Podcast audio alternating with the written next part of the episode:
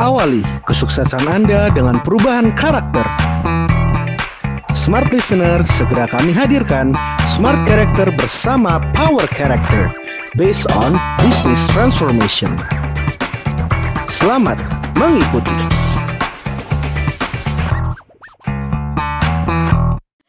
Halo selamat malam Smart Listener Malam hari ini kita kembali berjumpa dalam Smart Character Business Based on Business Transformation ya. Dan malam hari ini kita sedang ingin membahas satu topik yang luar biasa. Ini kok kayaknya nyambung banget sih dari pagi benang merah. Memang Smart FM nih seperti kayak Padahal nggak direncanain satu narasumber dengan narasumber yang lain tuh nggak tanya-tanyaan loh topiknya apa gitu. Tapi memang semesta member- mendorong gitu kan untuk malam Ya. hari ini tuh jadi kayak nyambung banget The Peacemaker. Jadi benar-benar malam hari ini benar-benar adalah anak-anak muda, kalangan muda, tim pembawa damai ya. Yes, Peacemaker. Dan ini mendekati lebaran kita harusnya memang menjadi pendaw- pembawa damai loh. Ya. Nah, saya jadi ingat Abri kalau nulis udah damai itu indah gitu kan. Oke, kita harus awali dulu nih ya kan. Sebenarnya yang dimaksud dengan ini kan kalau bicara soal damai gitu ya.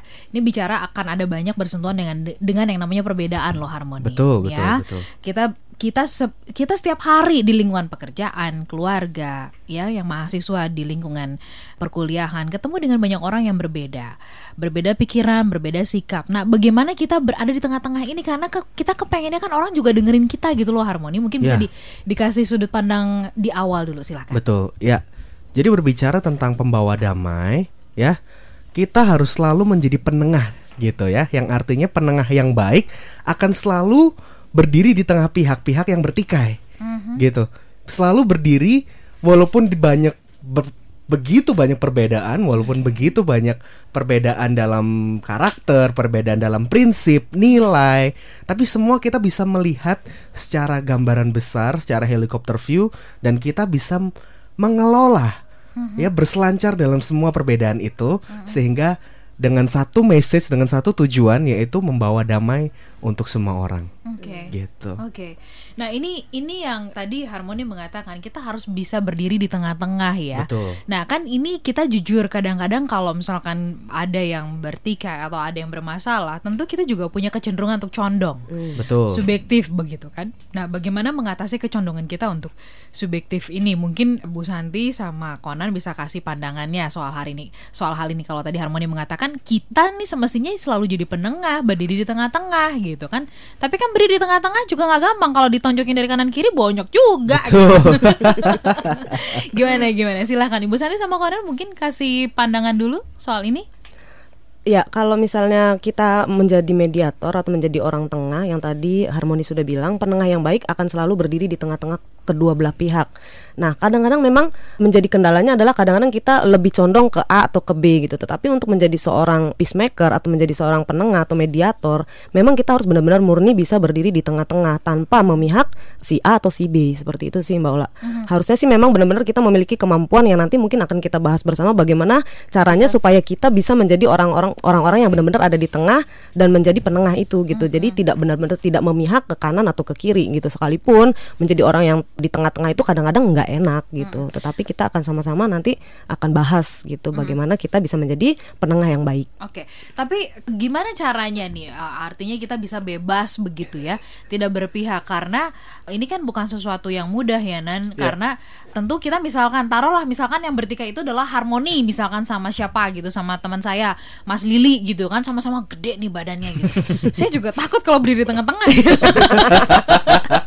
ini kalau yang dua-duanya emosi gitu. Nah, gimana caranya supaya kita tidak masuk ya kan tenggelam atau campur deh dengan emosi dari kedua belah pihak ini gitu loh tidak tidak mencampur adukan kita tidak ti- tidak tenggelam di dalamnya gitu silakan Iya, jadi si penengah ini dipastikan sudah cukup dewasa ya. Jadi benar-benar orang yang dewasa dia tuh tahu di timingnya. atas 17 tahun gitu Lu kayak nonton film sih Bukan bicara umur, tapi Oke. dalam artian ya dia kan harus mampu untuk berdiri, berdiri di tengah. Yang pasti Oke. bukan di tengah jalan ya. Oh, benar. Ketabrak. kecuali jalan keluar boleh ya. Iya, iya. Jadi dia harus punya kemampuan untuk bisa balance antara pikiran dan perasaannya. Kalau enggak dia bakal oh iya deh karena harmoni teman saya.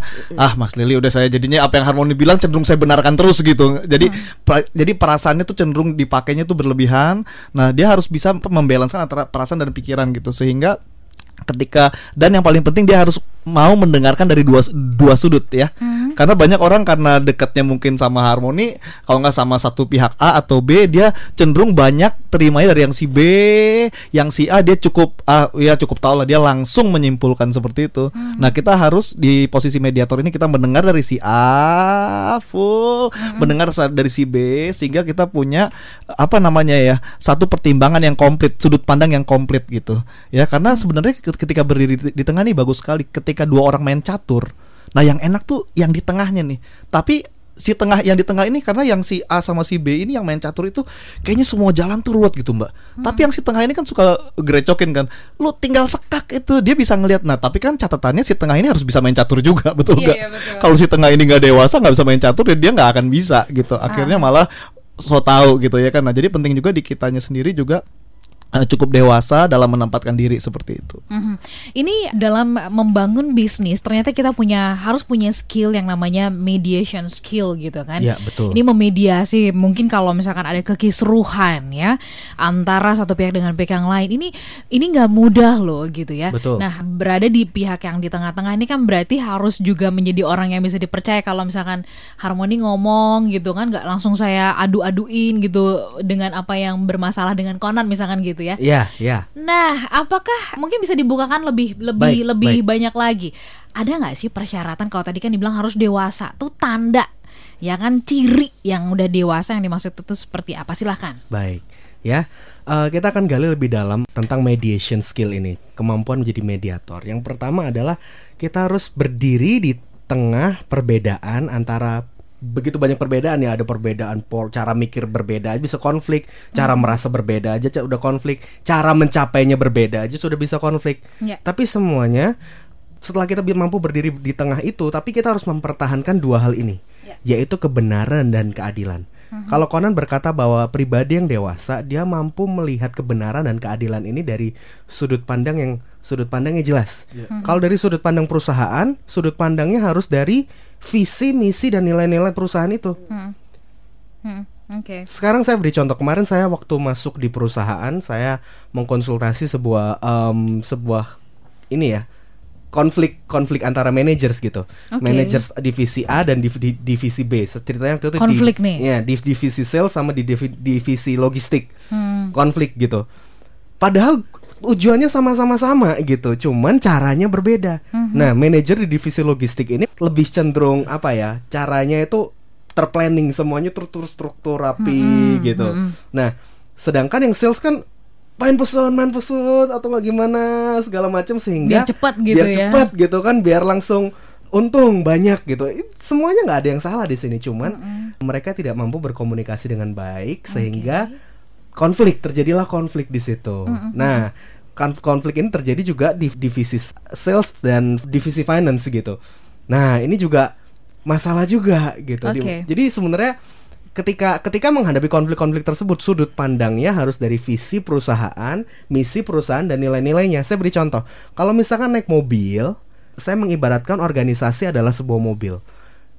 Jika mobil mau pergi ke Bandung misalkan, Mhm. kita dari Jakarta mau ke Bandung, ya. Organisasi A itu adalah kendaraannya. Baik. Ya orang-orang di dalamnya naik semua mobil ke mobil itu, tapi ternyata eh kayaknya lebih enak kan mampir lewat sini deh, ke sini deh, ke sini, ke sini, ke sini, ke sini. Tujuannya sama-sama Bandung. Tapi caranya berbeda-beda. Kalau misalnya sama-sama kekeh semuanya keras kepala ya terpaksa kita bisa jalan. Iya. Ketemuan di Bandung lebih baik nggak? Lebih baik. Nah, begitulah visi itu tujuannya, misi cara mencapai ke sananya, value adalah karakteristik dari setiap orang itu sendiri. Apa yang Beda-beda, dihargai ya? setiap beda, berbeda-beda. ini sudah sangat membantu ya ketika Betul. misalkan ada konflik. Ini berarti memang yang harus dijadikan ukurannya ta- atau takarannya itu adalah sudut pandang atau visi dari perusahaan ya, Iya, supaya nggak menggunakan masing-masing. Iya. Nah, kita mau gali dulu lebih banyak tadi karena Harmoni sudah membahas soal konflik ya. Iya. Mungkin ini bisa dijelaskan oleh ketiga narasumber kita Mbak eh, Bu Santi kemudian juga Konan gitu. Terjadi konflik karena tadi perbedaan antara misalkan sebagai contoh manajer dari tim sales dan kemudian tim logistik gitu kan. Kenapa sih kok bisa punya sudut pandang yang bisa begitu berbeda banget ya karena karena oh, awalnya kan kita pegangnya adalah visi perusahaan tapi kenapa bisa dalam prakteknya punya sudut pandang yang demikian berbeda banget konfliknya kok bisa jadinya tajam kan karena perbedaan ini. Apa sebenarnya kalau dari pengalamannya Harmoni, Conan sama Ibu Santi di perusahaan-perusahaan menangani konflik itu sebenarnya kenapa gitu loh? Um, yang pertama sih perbedaan karakteristik ya. Perbedaan karakteristik itu adalah perbedaan pola pikir, pola rasa, sama pola tindak. Seperti contohnya saya, saya saya tadi jelaskan, karakter dari karakter dari manajer sales ini dia tipe yang dinamis, bisa mengambil keputusan yang spontan dan menurut itu efektif. Menurut dia efektif. Sedangkan manajer dalam divisi logistik cara berpikirnya berbeda. Dia memprioritaskan planning, dia memprioritaskan struktural, Oke. dia memprioritaskan jalur koordinasi. Oke. Nah, sehingga apa yang terjadi ketika manajer sales itu melakukan segala cara untuk lewat jalur yang lainnya gitu. Nah, managers manajersnya kok nggak bisa dengan cara seperti ini. Nah, konflik lah. Bukannya itu tanggung jawab kamu gitu dan lain sebagainya. salah-salahan. Iya, main salah-salahan. Nah, ketika di sini seorang mediator harus bisa melihat kedua belah pihak ini kebutuhannya apa. Kedua belah pihak ini. Jadi manajer sales memikirkan bahwa loh ini kalau misalkan untung cepet semua karyawan bisa dapat gaji juga gitu loh. Nah kalau misalkan dari sudut pandang logistik nggak bisa semuanya harus dengan proses yang jelas. Oke, harus struktur pros- begitu stru- ya. struktural jelas. Baik. Karena kalau tidak ini bisa berantakan perusahaan ini bisa nggak jelas nih arahnya. Baik. Nah ketika mediator yang baik mampu me- menjelaskan dari sudut pandang yang kedua sudut pandang agar mencapai pengertian dan kesepakatan bersama. Nah goalnya di situ. Golnya di situ ya. Nah, bagaimana dengan pendapatnya Ibu Santi dan kemudian Conan yang juga mungkin kan juga sering ya berhadapan dengan permasalahan-permasalahan perusahaan yang dihadapi gitu. Apa hal-hal menarik yang mungkin pernah dijumpai oleh Conan sama Ibu Santi? Silakan. Ya, kalau memang tadi yang Harmoni sudah bilang, kita punya karakter masing-masing. Jadi nggak setiap orang punya permasalahan dan punya karakternya berbeda dan punya cara untuk menyelesaikannya berbeda-beda. Nah, tadi sebenarnya tujuannya sama, cuman ketika cara menyampaikannya itu berbeda, jadi akhirnya jadi karena nggak nyambung gitu. Kayak tadi pagi lah saya sama Conan misalnya contoh nih, saya punya pemikiran yang berbeda dengan Padahal eh, tujuannya sama, tapi cara saya sama caranya Conan berbeda gitu loh. Nah itu kita ada butuh waktu untuk benar-benar menemukan. Memastikan. Oh ternyata ini sama maksudnya gitu. Cuman pemikiran saya saya kekeh dengan pemikiran saya. Conan kekeh dengan pemikirannya dia gitu loh. Kenapa? Karena memang kita punya sudut pandang dan perbedaan kepercayaan yang eh, menurut saya ini caranya yang benar kayak gini. Ya, ya. yang dihargai berbeda-beda. Iya, Value-nya. penghargaan yang iya yang saya pegang berbeda dengan apa yang Conan pegang. Padahal tujuan sama tujuannya sama gitu. Em, Kadang-kadang kita seperti itu gitu sama aja sih kayak misalnya memasak lah Eh, orang masak nasi goreng bumbunya sama semuanya sama misalnya kayak gitu kan tetapi cara memasaknya beda-beda ada yang bumbunya ditum- di- dimasak dulu kalau kan kalau saya suka masak jadi ada juga yang sayurnya duluan beda-beda padahal ujung-ujungnya sama Jadi nasi goreng. nasi juga. goreng juga gitu Nasi goreng yang ada telurnya juga sih Nah, iya ujung-ujungnya tapi kalau gitu dua kan. orang yang disuruh masak dengan cara yang berbeda digabungin bisa berantem juga. Oke, ini Gitu. kayaknya ini kayaknya clue loh, Mas Harmoni sama Conan loh. Ini clue loh. Abis ini maksudnya yuk kita makan nasi Iya. goreng. Nasi. Asik. gitu. Jadi ya. eh, cara pandangnya sih Mbak Ula yang berbeda kadang-kadang cara pandang berbeda, kepercayaan yang dianggapnya berbeda itu yang membuat Oke. eh, berbeda gitu. Ini sudut menarik ya, kalau cara pandang kita berbeda, lalu kenapa kita sering kali tergoda? Enggak, nggak bisa. Lu harusnya dong yang mikir. Lu harusnya yang terima ini. Kamu yang harus terima ini gitu. Kenapa kita bisa Ya. tergoda dengan hal-hal yang demikian? Mungkin harmoni atau konan? Ego. Gitu. Kan setiap orang punya ego ya. Jadi ngaku lah ya. Gak maksudnya setiap orang punya ego Tapi ya ego sih sebenarnya nggak salah gitu ya Iya, Tapi iya, iya. ketika itu berlebihan jadi egois kan Jadi Iya. pokoknya nggak mau ngalah sama sekali Dan nggak mau dengar apa pun jadinya tipikal egois Tapi setiap orang kan Hmm. punya ego masing-masing gitu Nah tapi satu yang saya mau tambahkan Biasa sumber konflik yang saya sering dengar Kalau di klien, kebetulan ke klien Ya banyak sering dari hal simpel yaitu komunikasi Hmm. Ya Ya. karena komunikasi, pola komunikasi Pertama emang pola komunikasi beda Ada yang satu cara Iya. ngomongnya emang belak-belakan jebret Ada yang satu orangnya ya dia agak nggak enak segala macam jadi itu itu bisa bisa konflik tuh gaya komunikasi Iya betul. Gaya komunikasi. komunikasi. yang pertama gaya komunikasi yang kedua kurangnya berkomunikasi Hmm. jadi minim komunikasi jadi kan asumsi yang waktu kita pernah bilang Iya. ketika orang nggak komunikasi nah orang terlalu malas untuk mengkomunikasikan akhirnya ya udahlah dia tahu lah akhirnya nggak taunya ketimbun konflik akhirnya Nggak konfirmasi. Ya kan? seperti Iya. itu harus dikonfirmasi nah jadi komunikasi bicara caranya yang tadi gayanya caranya timingnya waktunya dan motifnya juga harus jelas gitu Nah. Jadi bener ya kita tuh nggak bisa mengatakan harusnya dia ngerti loh. Emangnya dia peramal. iya dan mediator Dia cenayang gitu bisa tahu isi hati saya gitu. dan mediator itu kan membantu mengkomunikasikan salah Betul. satunya membantu mengkomunikasikan gitu sehingga Oke. tercipta jembatan dari dua orang ini Nah, sebenarnya ternyata untuk membawa damai itu butuh skill. Jadi membawa damai itu bukan cuman diam ngomongnya Betul. Terserah bapak lo ya. Nah, saya mau bertanya kepada Ibu Santi dan Konan ini berkaitan dengan konflik ya. Mediator ini banyak juga di antara adik-adik kita, kalangan muda begitu. Kenapa menjadi mudah tersulut gitu ya?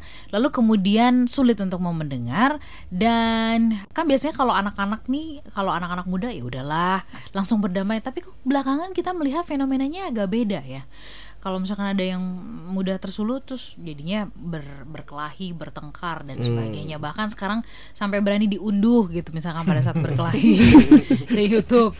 Apa yang Conan lihat fenomena yang terjadi di kalangan muda seperti ini silakan. Iya, itu kan tadi pertama ego ya. Setiap ini punya ego masing-masing dan itu penting loh Mbak lingkungan lingkungan tempat kita bergaul ya. Karena lingkungan itu me- apa memberikan satu yang namanya nilai.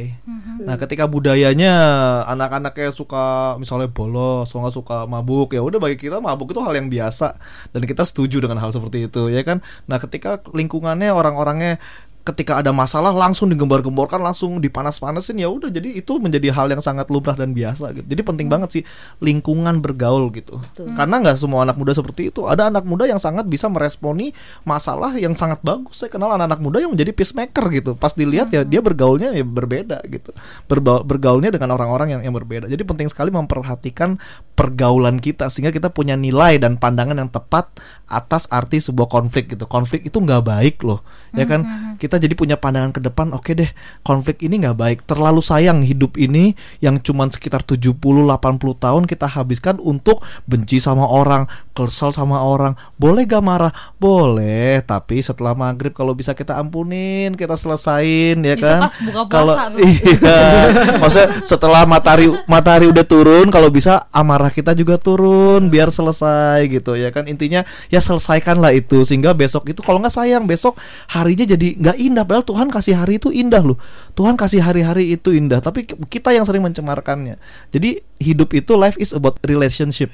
Nah relationship bicara with God with yourself with others. With others ada with family with your apa namanya partner with your enemy bahkan.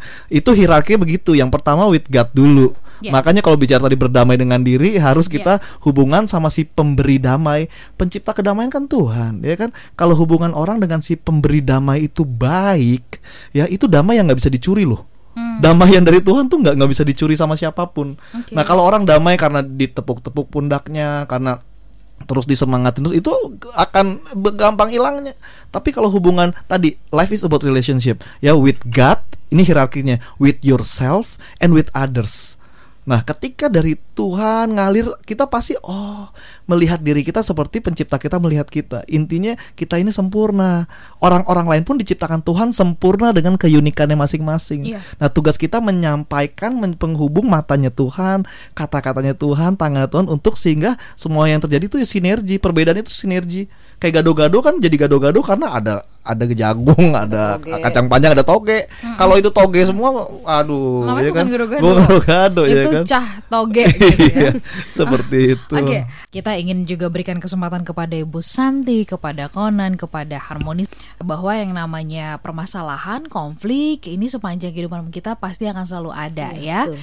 Tapi kabar gembiranya bukan tidak ada jalan keluar untuk mengatasi konflik tadi. Iya. Nah, kan eh, masing-masing setiap kita punya perbedaan pola pikir, pola rasa, pola tindak gitu. Ada orang yang mungkin lebih cepat mikir Ya. ketimbang tindakannya, tapi sebaliknya ada yang cepat bertindak. Ya, ada yang disuruh sama perasaan, ada. Hmm, nah, bagaimana menselaraskan ini nih ketika ini terjadi supaya ketika kita berdiri menjadi seorang mediator benar-benar kemudian masalahnya menjadi jernih terlihat gitu ya sehingga mudah untuk kita selesaikan bukan jadi makin kayak dikobokan gitu loh mungkin silahkan kasih pemahaman dulu Baik, untuk hal ya. ini Pola pikir yang perlu diinstal dalam diri kita untuk menjadi mediator adalah kita harus memiliki pola pikir yang objektif, ya. Kita harus memikirkan solusi, kita harus menganalisa kebutuhan dari dua belah pihak dan mengerti tentang apa itu kebenaran. oke Itu ada di dalam pikiran kita. ya Nah, sedangkan dalam perasaan kita, perasaan kita itu harus lembut, harus empati, harus merasakan kebutuhan orang lain, Mhm. ya, merasakan timing yang tepat juga, gitu loh. Timing itu letaknya di perasaan loh, ya. Kayaknya ini moodnya pas nggak nih? Nah, pas nggak nih? Nah itu perasaan tuh. Pikiran tuh nggak bisa nganalisa timing. Oke. Perasaan bisa, Oke. gitu. Ya, perasaan kita harus mengkonfirmasi perasaan dari kedua belah pihak juga. Iya. Ya, karena perasaan itu kalau di ngertiin enak gak sih? Di ngerti, iya, di ngertiin itu nggak bisa pakai pikiran. Pakai perasaan. Pakai perasaan. Oh, gitu ya. Hmm, nah itu perasaan. Oh, Oh oke. gitu dengan dengan mata, dengan Baik. dengan nada itu tuh lega gitu. Mm-hmm, Ya, dan yang terakhir adalah pola tindak kita harus lembut. Harus mengusahakan solusi. Harus mengakhiri dengan kesepakatan dan rekonsiliasi. Harus lebih baik mana gitu kan? konflik atau dihindari konflik gitu. Kan kalau menghindari konflik gak terjadi konflik kan gitu. Betul. nah permasalahannya hati anda nyaman nggak? Hati anda sakit gak kalau misalnya konflik tapi dipendem terus perasaan anda itu ibarat luka ya ibarat luka ah udahlah ditutupin dipendam nggak apa-apa terus pakai senyum lagi ya I'm okay I'm fine. I'm fine. I'm fine gitu kan? Tapi terus senyum tapi, tapi di di balik di balik eh, itu semua perlu penuh dengan borok gitu kan? Terus sampai suatu hari gua nggak mau keluar rumah. Manusia itu begitu jahat gitu. Eh ada loh ini Ada, ada. ada yang sampai di luar negeri sampai ditemukan um, meninggal sendirian karena individualistis individualnya makin tinggi gitu. Ya perlu perlu dikeluarkan kalau ada unek-unek kalau misalnya ada konflik perlu cepat-cepat diselesaikan karena kalau misalnya konflik tidak diselesaikan itu menjadi luka dan itu borok itu tidak diobati dengan baik itu bisa infeksi gitu ya. Iya, bisa infeksi. infeksi. berkepanjangan loh Iya. perasaan. Oke, bagaimana kemudian seorang mediator ini bisa berdiri dengan dia melihat sudut pandang yang benar dengan jernih? Mungkin Bu Santi bisa kasih penajamannya. Iya, jadi harus benar-benar melihat dari dua sisi. Jadi coba eh, kalau saya menjadi seorang mediator, misalnya saya harus melihat dari cara pandang, eh, misalnya Mbak Ola sama Harmoni sedang berkonflik, saya harus melihat dari cara pandang Mbak Ola, saya harus melihat dari cara pandang Harmoni, supaya bisa saya ada di di kedua belah pihak itu dan saya bisa menolong kedua belah pihak itu untuk bisa bersama-sama menyelesaikan permasalahannya. Seperti itu. Jadi harus benar-benar kita ada di kalau misalnya gini saya harus pakai sepatunya Mbak Ola, saya juga harus coba pakai sepatunya Harmoni gitu supaya bisa ketemu. Oh, ternyata ini maksudnya begini gitu loh. Jadi bisa jelas gitu loh. Kita harus benar-benar menemukan dan mengklarifikasi gitu supaya bisa eh, selesai. Oke, bagaimana dengan Conan ini yang mungkin spesialis menangani konflik? Karena juga sedang berkonflik enggak ya? Oke. Iya, bagaimana penajamannya gitu loh supaya kita tuh bisa menjadi mediator yang yang yang mumpuni. Ini sudah sampai di menit yang terakhir. Oh yang terakhir yang eh, ini ya. Nah Setelah sebelum kita pulang, Nat.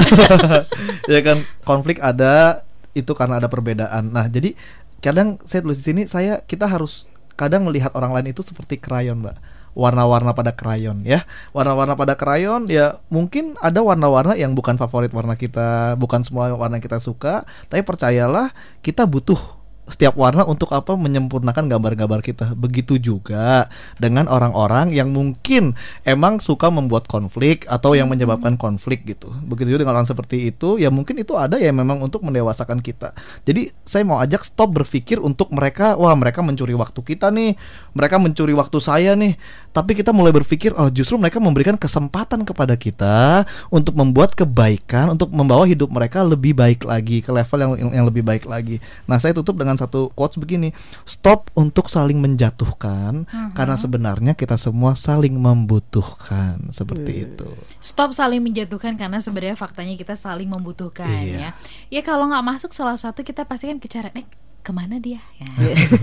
si itu ke mana begitu? Berarti kan ada yang kurang ya, nggak lengkap ya. Terima kasih banget buat Ibu Santi, buat Conan dan juga Harmoni yang malam ini sudah melengkapi kita dengan skill dengan kemampuan untuk menjadi seorang mediator. Terima kasih untuk Anda semua yang sudah menyimak. Semoga perbincangan kami ini bisa memberikan semangat, motivasi dan inspirasi untuk Anda. Baru saja Anda menyimak Smart Character bersama Power Character based on Business Transformation. Awali kesuksesan Anda dengan perubahan karakter. Terima kasih dan sampai jumpa.